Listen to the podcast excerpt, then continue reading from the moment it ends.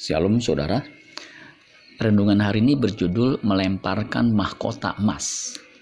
Wahyu pasal 4 ayat 4. Kemudian ayat 10 dan 11. Dan sekeliling tahta itu ada 24 tahta.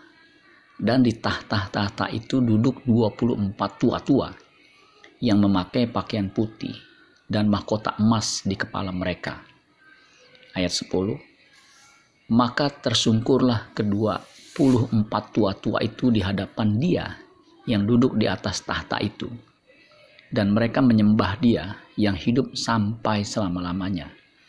Dan mereka melemparkan mahkotanya di hadapan tahta itu sambil berkata, Ya Tuhan dan Allah kami, Engkau layak menerima puji-pujian dan hormat dan kuasa, sebab Engkau telah menciptakan segala sesuatu, dan oleh karena kehendakmu semuanya itu ada dan diciptakan. Di hadapan tahta anak domba semua jadi tidak ada artinya. Buktinya 24 tua-tua melemparkan mahkota emas mereka di hadapannya. Siapakah tua-tua ini? Beberapa orang percaya bahwa mereka mewakili seluruh jemaat di sorga. Jika di sorga saja mahkota di hadapannya, apalagi di bumi.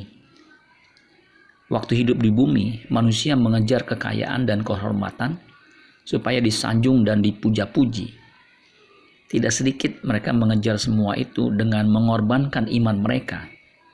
Hari Minggu waktunya beribadah tidak dihiraukan. Padahal apa yang dikejar waktu di bumi pasti dilepaskan ketika maut merenggut nyawanya. Mengapa kita tidak mengejar hal yang mendatangkan perkenanan Tuhan? Sehingga ketika maut menjemput, kita diterima di tahtanya untuk menikmati kebahagiaan abadi selama-lamanya. Amin buat firman Tuhan. Tuhan Yesus memberkati. Sola Gracia.